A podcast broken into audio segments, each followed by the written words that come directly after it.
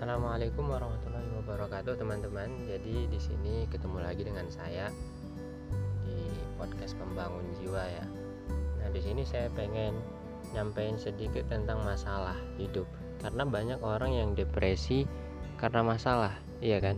Karena hidupnya sulit itu banyak yang depresi, males uh, untuk bergerak, jadinya stuck di situ-situ doang. Kerjaannya ya cuman itu itu doang. Nggak mau nambah kerjaan yang lain nggak mau lebih produktif lagi karena uh, masa-masa sulit yang dia hadapin baik itu mungkin masa sulit di ekonominya atau masa sulit uh, dalam uh, apa ya dalam mungkin psikologis dia gitu.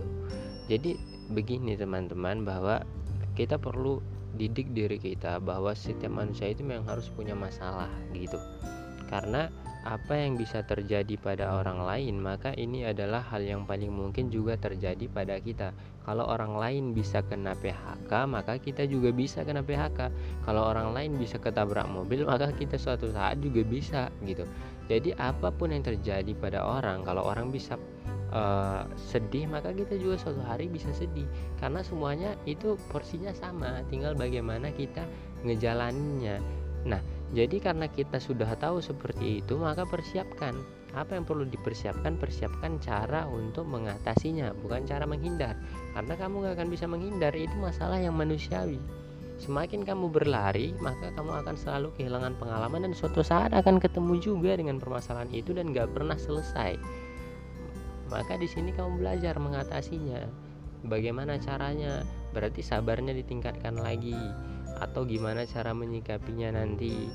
Di bawah santai aja atau gimana? Itu perlu dipikirkan. Dan juga uh, ketika punya masalah anggap aja begini apa-apa yang tidak membunuhmu maka akan menguatkan kamu. Jadi selama uh, kamu nanti nggak mati karena masalah ini berarti itu menguatkan kamu. Karena orang-orang yang keluar dari zona tidak nyaman bukan berarti mereka gagal atau terhina tapi mereka adalah orang-orang yang uh, akan bertambah kelebihan dia akan dirinya itu akan semakin improve gitu improve diri. Jadi ada kemajuan di dalam diri dia nanti. Karena kenapa ada pemecah ombak? Karena ada itu tadi karena terjadinya tsunami dan sebagainya.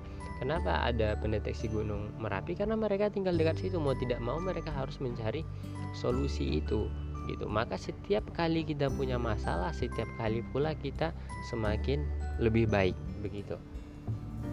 Jadi manusia itu sejatinya butuh masalah untuk mengambil pelajaran untuk uh, supaya lebih baik lagi. Karena setiap masalahnya akan meninggalkan pembelajaran yang luar biasa.